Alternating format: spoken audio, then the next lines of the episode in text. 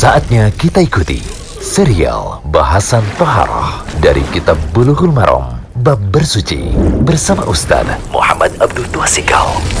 Alhamdulillah, salatu wassalamu ala rasulillah wa ala alihi wa wasallam. Kali ini audio ke-50. Ini membahas masih dari Bulughul Maram, Kitab Toharoh tentang adab buang hajat. Kita lihat hadis ke-90 ini hadis yang menunjukkan Islam itu mengajarkan tidak boleh buang hajat sembarangan. Di sembarang tempat nggak boleh. Bahkan ini kena laknat, kena kutukan. Dari Abu Hurairah radhiyallahu anhu, ia berkata Rasulullah shallallahu alaihi wasallam bersabda, "Ittaqul la'inin." Jauhkanlah dirimu dari dua perbuatan terkutuk. Jauhkanlah dirimu dari dua perbuatan terkutuk. Kalau di dalam penyebutan yang tepat, ittaqul la'inain. Ya. Bukan la'inin ya, namun dua. Jauhlah dari dua perbuatan terkutuk. Ya, jauhlah dari dua perbuatan terkutuk. Apa itu? Kata Nabi Shallallahu Alaihi Wasallam, "Allazi yatakhalla fi tariqin nas," yaitu yang buang hajat di pinggir jalan, di mana jalan ini biasa dilewati oleh orang. Ya, ini dilewati oleh orang.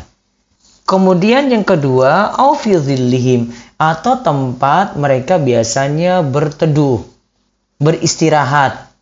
Nah, di sini jadi dalil tidak boleh buang hajat di sembarang tempat kita bisa ambil kesimpulan yang mudah sekali dari hadis ini berarti tidak boleh buang hajat di sembarang tempat. Kemudian yang kedua tidak boleh buang hajat yang sifatnya nanti mengganggu orang yang lewat. Ya orang yang lewat karena tadi di pinggir jalan mengganggu orang yang lewat. Ini tidak boleh dilakukan. Nah ini biasanya kalau bapak-bapak itu cuma main lepas pipis saja di pinggir jalan atau di tempat orang itu nongkrong atau ada di halte. Ya ada yang di kendaraannya sendiri. Ya ada yang di pinggir jalan. Nah, ini tidak diperkenankan, tidak dibolehkan. Aufidhillihim, yaitu di tempat orang itu berteduh di situ, ada situ ada orang istirahat, diam-diam di situ seperti di bawah pohon, tempatnya rindang, dekat tembok ya atau ada gunung gitu ya.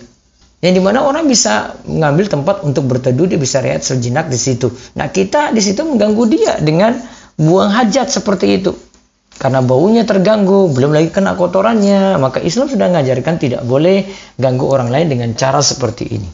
Wallahu a'lam bishawab. Demikian serial bahasan toharah dari kitab Bulughul Maram bab bersuci bersama Ustaz Muhammad Abdul Tuasikal.